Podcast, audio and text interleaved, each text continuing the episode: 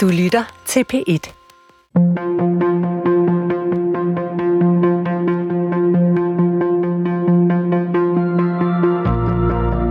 Hvad kan vi bruge en næsten 2.000 år gammel samling tekster til? Kan vi overhovedet forstå os selv, uden at læse Bibelen? Christian Let mener, at Bibelen er verdens vigtigste bog. Lauke Hendriksen læser den for første gang. Og sammen gennemgår de historierne, der stadig former vores bevidsthed og forsøger at finde ud af, hvad de betyder for os i dag. Velkommen til Bibelen Let Fortalt.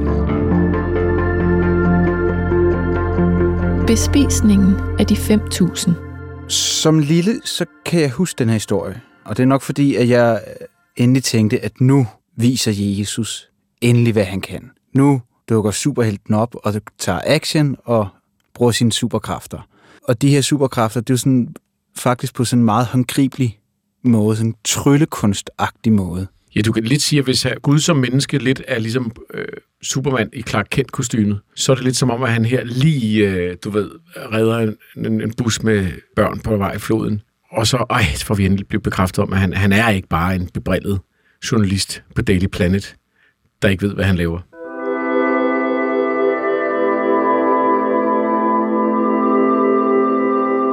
Johannes Støberen er død.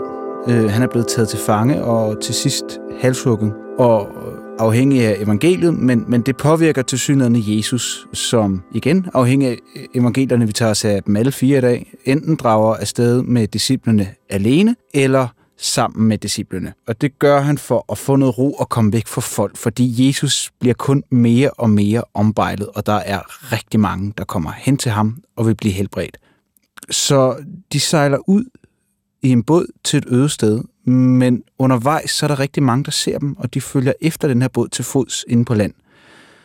Og Jesus og disciplene kommer frem til det her øde sted, som så ikke er så øde mere, fordi så er der en folkeskare af mennesker, som venter på ham. Og Jesus han begynder så at både at belære og prædike og helbrede. Og dagen den begynder så småt at gå på held, og disciplinen de påpeger over for Jesus, at du, du bliver nok nødt til at sende folk bort, fordi altså, de bliver nødt til at komme hen til et sted, hvor de, der er befolket, så de kan få noget at spise. Men så siger Jesus, giv i dem i stedet noget at spise. Og disciplen svarer, vi har altså fem brød og to fisk. Og det burde man jo tro ikke var nok, men Jesus han beder disciplene, at de skal samle folk i grupper og sætte dem ned. Og så tager Jesus de fem brød og to fisk, velsigner det og deler det ud til folket. Og det utrolige sker, det er, at der er nok mad til alle 5.000 mænd, plus kvinder og børn. Og der er endda mad til overs, og alle bliver mætte. Hvorfor er det, Christian, at det lige er det her mirakel, jeg kan huske? Bare lige sige, det er sjovt, det der med det 5.000 mænd, ikke? og enten så er det, fordi det er sådan en man, mandeklub, eller også så, så, er det, så er det fordi... Men det, det er måde, man tæller på. Simpelthen. Åbenbart. Men altså, jeg tror, du har helt ret i, at det er jo her, hvor, hvor, hvor Jesus han ligesom altså som karakter viser nogle af sine evner. Vi, vi har lige talt om i et andet program, at han bliver fristet af djævlen til at lade, lade sig bære engle og underlægge sig alt og knipse med fingeren og så installere wifi over det hele. Og siger, nej, jeg vil ikke bruge de her øh, kræfter. Det er derfor, det der Clark Kent-billede, synes jeg egentlig er rigtigt nok. Det er ligesom sådan, ud fra denne her idé, så er Gud jo på jorden med alt, der så dertil hører. Han er menneske med lidelser og, mm. og, og lyster og længsler og smerte og så videre. Og, og her der er det som om, man siger, alright, da. Og så trylleryller han lidt, og så får alle mennesker med. Og så tror jeg, der, der er også en anden, der er et andet sådan stort, stort ting i billedet, som er, at det er her, hvor han, han gør det jo for andre. Det er fordi, han får ondt af andre, og det tror jeg, at billedet af Jesus, som, som øh, Altså, og det her meget, meget kristne budskab med at elske de næste som dig selv, det, det står ligesom meget, meget klart i det her billede, at Jesus han på en eller anden måde bruger magi til at brødføde alle de her mennesker. Ja, han lader sig påvirke af situationen. Simpelthen. Han, han kigger på dem og siger, de skal da ikke gå hele vejen hjem til deres, øh, du ved, fattige øh, hytter, eller hvor de nu skal, og vi har, ikke, vi har ikke penge nok, det vil være for dyrt. Det er faktisk en af overvejelserne, det er simpelthen, det er simpelthen for dyrt at købe mad til alle de her mennesker, hvilket også er ret sjovt, og derfor så, så bruger han lige hiver han lige et S ud af lommen. Men en anden ting er, at det er et rigtig godt eksempel på, at man kan måske sige tre elementer i historien om Jesus. Den ene er ligesom myten om, hvordan han blev til, øh, som er med i nogle af evangelierne, og, og, og, og ligesom sådan fortælling om den her savnfigur, der bliver født af en jomfru og så videre, og så videre, og står op igen. Altså det er ligesom sådan savnelementerne. Så er der den, øh, på mange måder kunne man godt argumentere for vigtigste del af hans prædikner, altså det vil sige de her eksempler, hvor det ser ud til, at rigtig mange af dem, er, er, er, vi skal huske, at evangelien er skrevet mellem 50 til 80 år efter, øh, hvis ikke mere, øh, øh, Jesus er død. Så det vil sige, det, det er nok det, der er blevet overleveret, det, der er blevet fortalt videre, som han har sagt. Og så er der altså det her tredje element, som er miraklerne. Øh, mm. vi, vi kommer lige fra, at han har prædiket. I Matteus evangeliet har Jesus lige fortalt lignelse om himmeriget. Den kommer vi ind på i et andet program. Men her får vi altså en, sådan en kavalkade af decideret magi. Der er både brødfødning eller bespiselsen af de 5.000. Der er også han går også på vandet, og han helbreder de syge, og bare de rører hans kappe, så bliver de helbredt osv. Jeg tror, den, en vigtig ting at vide i hvert fald, det er, at de her mirakler, de har en funktion.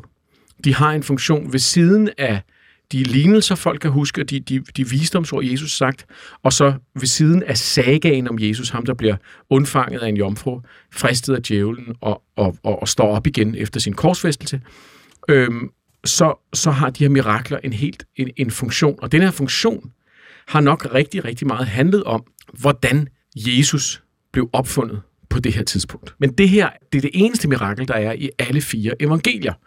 Øhm, mm. Så jeg ved ikke, det, det, det, det står bare centralt. Det er et godt billede. Jeg tror netop, det er et billede, børn kan forstå. Og, og måske kan vi så i det her program tænke lidt over, hvem der egentlig skrev evangelierne, som sagt, og hvornår. Og så måske også forstå den lidt komplicerede bevæggrund for, hvorfor de skulle med, og hvad de betød dengang, frem for hvad de betyder nu.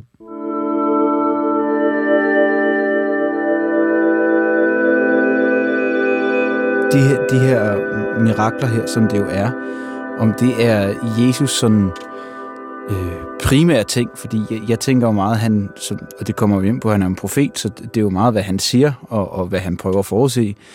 Og, og, og på den måde, så kommer jeg til at tænke på, om det her egentlig er en erklæring for Jesus, at han udfører det her mirakel.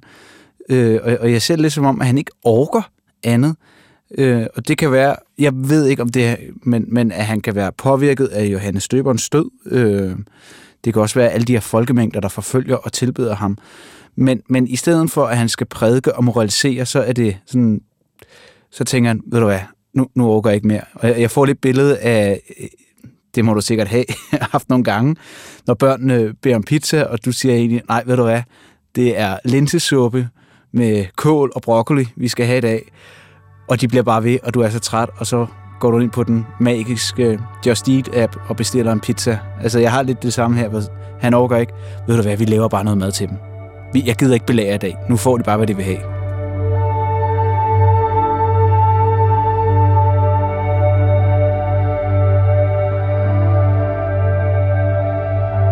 Matteus evangeliet, kapitel 14. Da Jesus hørte det, drog han bort derfra i en båd til et øde sted for at være alene – men skarne opdagede det og fulgte efter ham til fods fra byerne. Og da han kom i land, så han en stor folkeskare, og han ynkedes over dem og helbredte dem, dem der var syge. Da det var blevet aften, kom hans disciple hen til ham og sagde, Stedet her er øde, og det er allerede sent. Send skarne bort, så de kan gå hen til landsbyerne og købe sig mad. Men Jesus svarede dem, de behøver ikke at gå, Giv i dem noget at spise. De sagde til ham, vi har kun fem brød og to fisk her. Han sagde, giv mig dem. Og han lod folkeskarne sætte sig i græsset, tog de fem brød og de to fisk, så op mod himlen og velsignede dem, brød brødene og gav disciplene dem, og de delte dem ud til skarne. Og alle spiste og blev mætte, og de samlede de stykker sammen, som var til overs, 12 kurve fulde. Der var omkring 5.000 mænd, som havde spist for uden kvinder og børn.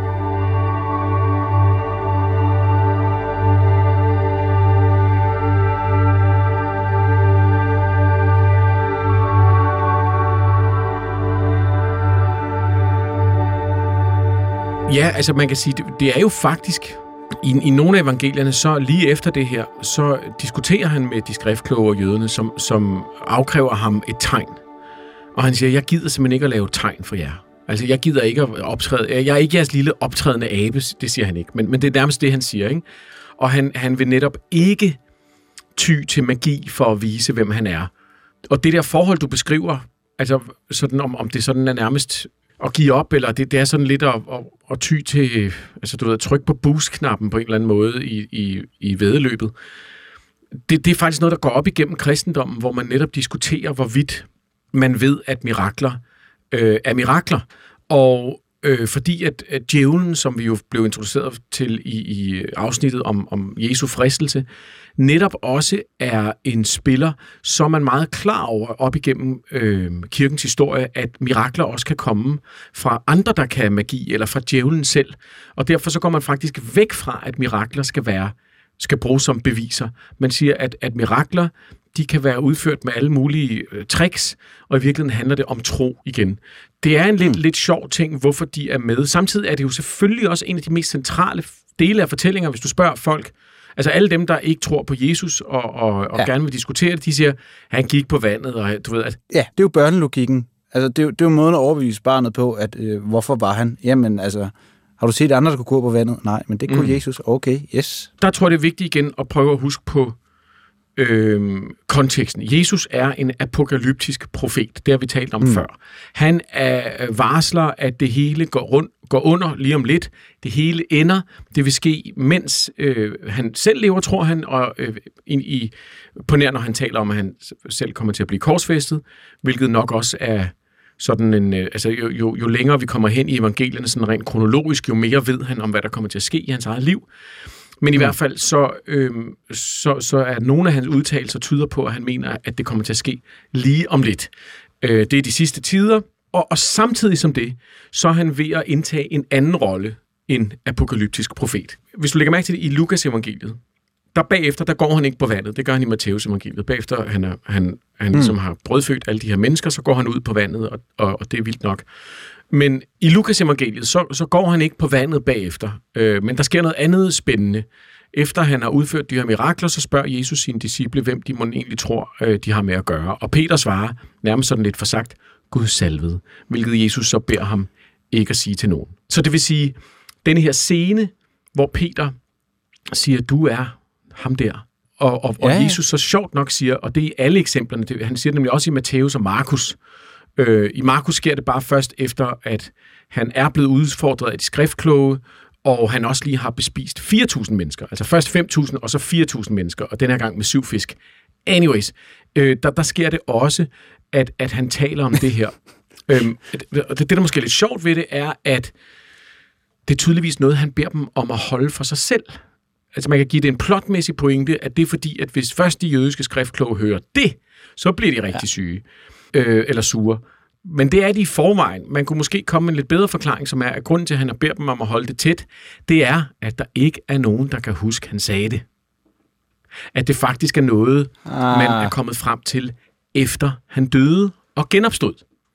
Og det er noget af det, jeg tror, vi skal dykke lidt ned i i dag. Hvordan opfattelsen af, hvad Jesus er, ikke hvem han er, men hvad han er, ændrer sig gennem historien.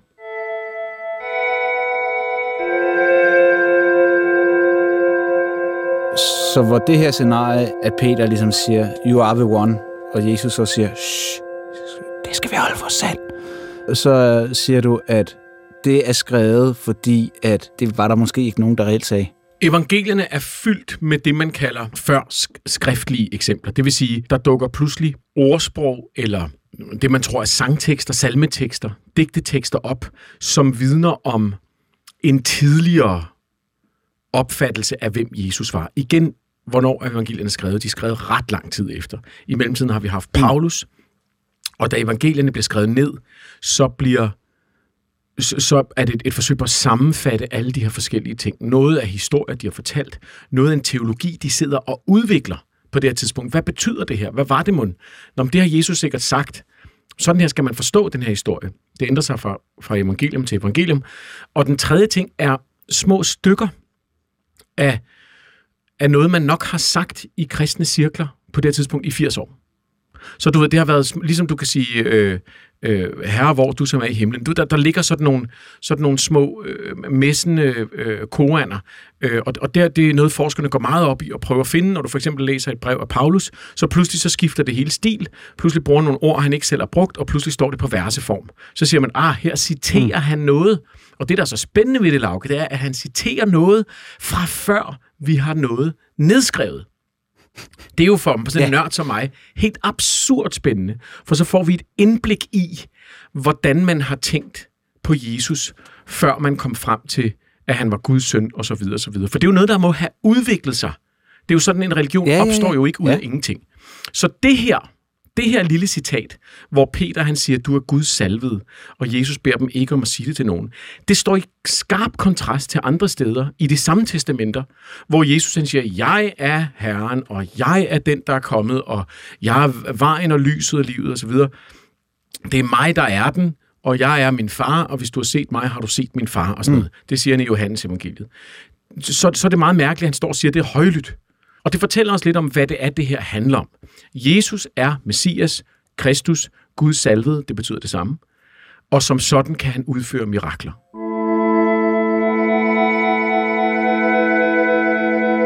Paulus han siger det meget klart. Hvis ikke vi tror, at Jesus er stået op fra de døde, så er der mm. så er vores religion intet værd. Og det, det tror jeg er det springende øjeblik, at Jesus har været en profet, han er blevet korsfæstet, han er død.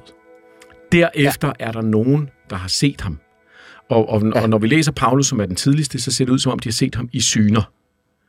Øhm, og dermed har hele historien om Jesus ændret sig fra en profet til noget andet og mere. Og så er spillet ellers åbent. Er han Kristus? Er han Guds stedfortræder? Er han en engel? Er han Guds søn? Er han Gud selv? Og, og, og et andet spørgsmål er, var han født sådan? Altså var han born this way, som Lady Gaga vil sige? Eller ble, ja. blev han det undervejs? Øh, eller, eller var han det måske endda helt fra tidernes morgen? Alle de her ting, de blev ligesom diskuteret på det her tidspunkt. Når den diskussion er åbent, så bliver de her historier om de magiske ting, som en magisk mand har gjort, virkelig blevet, de er blevet centrale.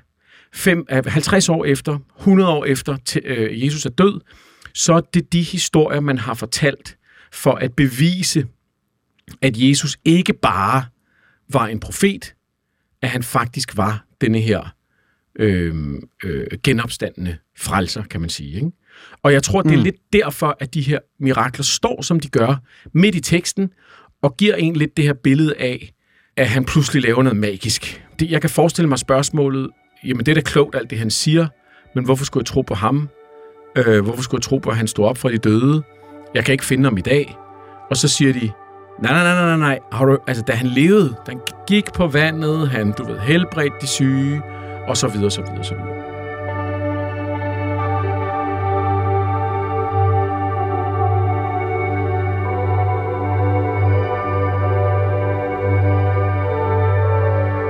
Straks efter nødte Jesus disciplene til at gå ombord i båden og tage i forvejen over til den anden bred, mens han selv sendte skarne bort. Da han havde sendt skarne bort, gik han ene op på bjerget for at bede. Og da det var blevet aften, var han alene der. Båden var allerede mange stadier fra land og kæmpede med bølgerne, for vinden var imod. Men i den fjerde nattevagt kom han til dem, gående på søen. Da disciplene så ham gå på søen, blev de skrækslagende og sagde, det er et spøgelse, og de skreg af frygt. Og straks talte Jesus til dem og sagde, Vær frimodige, det er mig. Frygt ikke. Men Peter sagde til ham, Herre, er det dig, så befal mig at komme ud til dig på vandet. Han sagde, Kom. Peter trådte ud af båden og gik på vandet hen til Jesus. Men da han så den stærke storm, blev han bange, og han begyndte at synke og råbte, Herre, frels mig! Straks rakte Jesus hånden ud, greb fat i ham og sagde, Du lide troende, Hvorfor tvivlede du? Da de kom op i båden, lagde vinden sig. Og mændene i båden kastede sig ned for ham og sagde, Sandelig, du er Guds søn.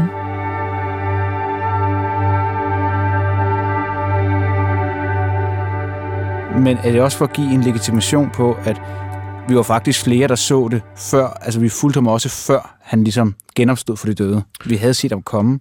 Jamen, der er ikke noget vi. For ingen af dem, der var til stede der, har skrevet noget som helst. Øh, man skal tænke det mere som, at de, de sagde, det, altså jeg kan forestille mig, at det nærmest, det må de have set. Fordi da først han genopstår fra de døde, det vil sige, da først der er nogen, der ser Jesus, de ser ham i, i, øh, i en eller anden form for syner, han taler til dem, han instruerer dem, og de fortæller hinanden om det. Så går der et næste stykke i gang, som er, hvad betyder det? Betyder det, at det er et spøgelse? Betyder det, at Jesus øh, lever igen? Altså, du ved, er han simpelthen som en zombie blevet, gen, blevet genopstået? Nej, det er han ikke, for vi kan ikke finde ham nogen steder.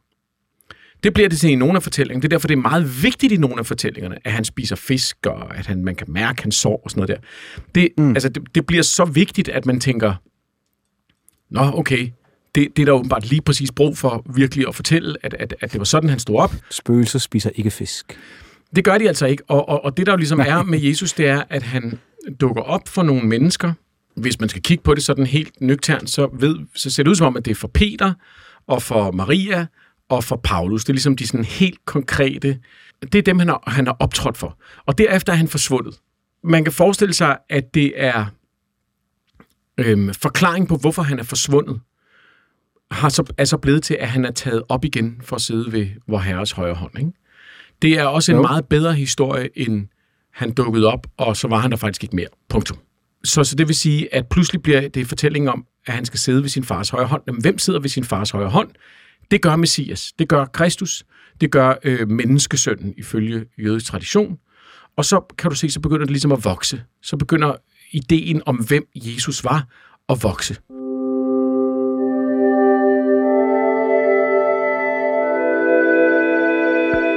I og for sig tilbage til dit allerførste spørgsmål. Hvorfor er det her mirakel? Hvorfor er det, det står så klart frem? Og, og, og, og der tror jeg, at man kan komme tilbage til, at det er med fordi at hvis du tager miraklerne ud, så er det meget, meget sværere at forklare. Folk, der ikke sidder og læser øh, teologien og sætter sig ind i, hvad det er, han mener, og alle tankerne om himmeriget og kærligheden og Guds øh, betydning. Hvorfor man skal følge en, en død mand, der er blevet korsfæstet, ikke? Det kan være, at han stod op lige bagefter, men det er 100 år siden, det er 200 år siden, det er 500 år siden. Og der kan du sige, der er ideen om mirakler har været central og er stadig i den katolske kirke central for at forstå, at det her, det er ikke bare nogle tanker, og det er ikke bare en held og en guru, det er faktisk noget, der aktivt virker i verden. Ikke? Men altså, har det været mere afgørende, end hvad han egentlig har sagt? Det er også noget, der virkelig har været diskuteret. For protestanterne, der bliver det meget vigtigt, at, at mirakler, det var noget, der skete dengang, og det er ikke noget, der sker mm. mere. I katolicismen, der bliver man stadig ved med i dag, at jævnligt at anerkende mirakler, og mene, at de kan ske. Altså man skal tro på miraklernes mulighed. Det er en del af troen. Men både i katolicismen og i protestantismen har man været på vagt over for netop, at miraklerne skulle tage over og skulle være det, der ligesom betød noget. Fordi mirakler sker stadig. Der er stadig folk, ja, ja. der helbreder nogen. Okay. Der er stadig folk, der pludselig gør noget, de ikke burde kunne gøre. Der er stadig folk, der laver til synlædende umulige ting. Og, og nu er jeg ikke ude i at, at afgøre, om de er virkelige eller ej. Det er slet ikke det, vi skal diskutere. Men ifølge hvad folk tror på, så sker mirakler stadig i verden. Der kan du se, at hvis miraklerne er det vigtigste, der sker, så har kristendommen et problem, hvis der er en, der kan komme og lave mirakler og siger, jamen Jesus tager fejl. Ja. Og derfor så er, er det, har det været meget vigtigt at sige, at miraklerne er ikke det, det handler om. Det er stadig troen, der er det vigtigste. Det er lidt ligesom, kan du huske, da Paulus snakker om at tale i tunger, hvor han siger, det er alt sammen fint nok, men hey, skal vi ikke lige fokusere på det vigtige?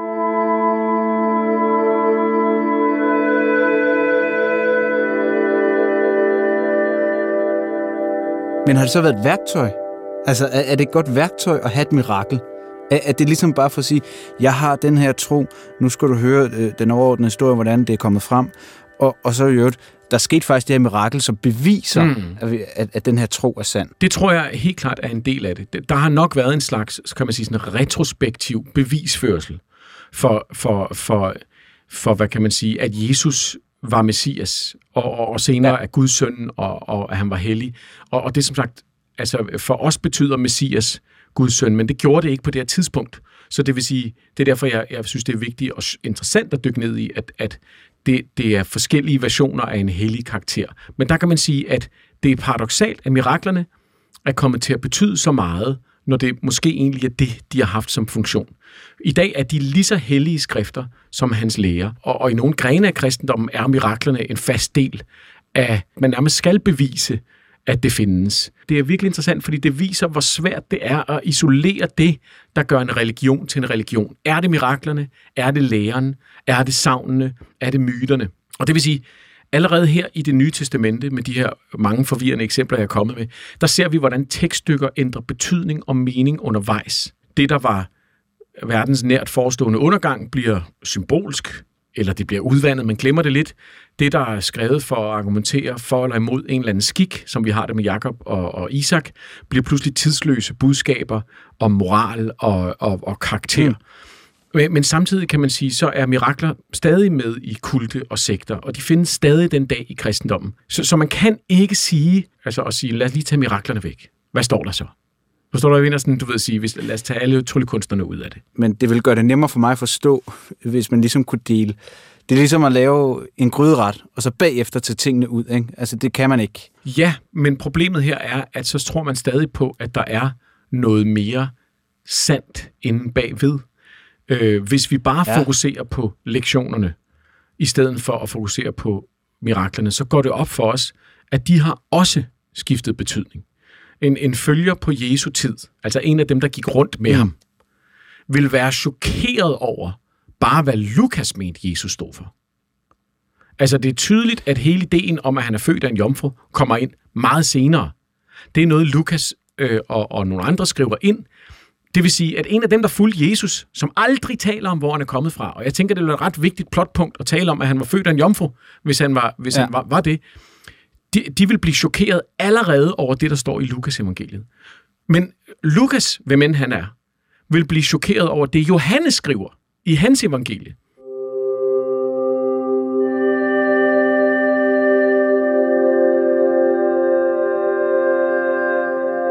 Selv hvis vi tager miraklerne ud og prøver at kigge på, jamen, hvad var det i virkeligheden, det handlede om, så mm. står vi med noget, som er omformeligt og omskifteligt og, og, og, og, og levende, kan man sige, og udvikler sig. Ingen af de her mennesker vil til synlædende have accepteret den fremtidige fortælling. Øhm, så, så hvad er der tilbage? Det er det, der jeg synes, der er det interessante spørgsmål. Hvis vi, vi bliver nødt til at tage miraklerne med, vi bliver nødt til at se på det som en del af det, ligegyldigt om man så i protestantismen diskuterer, at de slet ikke er så vigtige, og i katolicismen synes, yeah. de er ret vigtige, og i pinsekirken mener, de er helt reelle og, og, og, og aktuelle. Ikke? Men, men det du egentlig siger, det er, lad os nu sige, der er faktisk en, der har været der, øh, som efterfølgende har mødt Lukas. Og, og Lukas fortæller den her om det her det fantastiske mirakel, og ham, der var der, han siger, han, han stod faktisk bare bøvset og var sulten. Det var egentlig det, han prøvede at udtrykke. Men det er underordnet. Det er underordnet, fordi... Det, det er underordnet, hvad der var, fordi at, at det, det genererer hele tiden. Altså, så, så, så fortælling genererer, så det er faktisk underordnet, hvad der skete. Ja, og hvis vi ikke engang tager et mirakel, bare det, at Peter han siger, du er Messias, og Jesus siger, don't tell anyone. Det allerede der vil en af Jesu egne følgere nok sige, ah, hvad for noget? Nej, nej, han var, han var dommedagsprofet. Han snakkede om, at alt var ved at gå mm. under. Så det vil sige, ja. selve læren ændrer sig også. Så det, ja. det der måske er den store lektion, øh, det er, at, at hvad, hvad er kristendommen i dag? Er det mere en struktur med nogle etiske og spirituelle principper, hvor en nogle af dem kan spores til oldtidens Israel, men de udover det er under forvandling? Er det i virkeligheden det, kristendommen er? Findes kristendommen i dag, fordi den havde fat i nogle sandheder, som stadig gælder, eller fordi den allerede er der?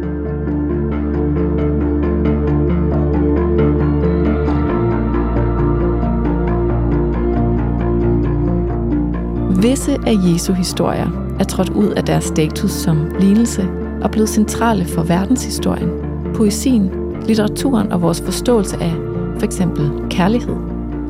Næste gang handler det om den fortabte søn. Husk, at du altid kan lytte til tidligere episoder i DR's radio-app DR Lyd. Bibelen Let fortalt er produceret og klippet af Christian Let og Lauke Hendriksen for Munk Studios. Redaktør er Hanne Butz Jørgensen, og mit navn er Karen Stroop.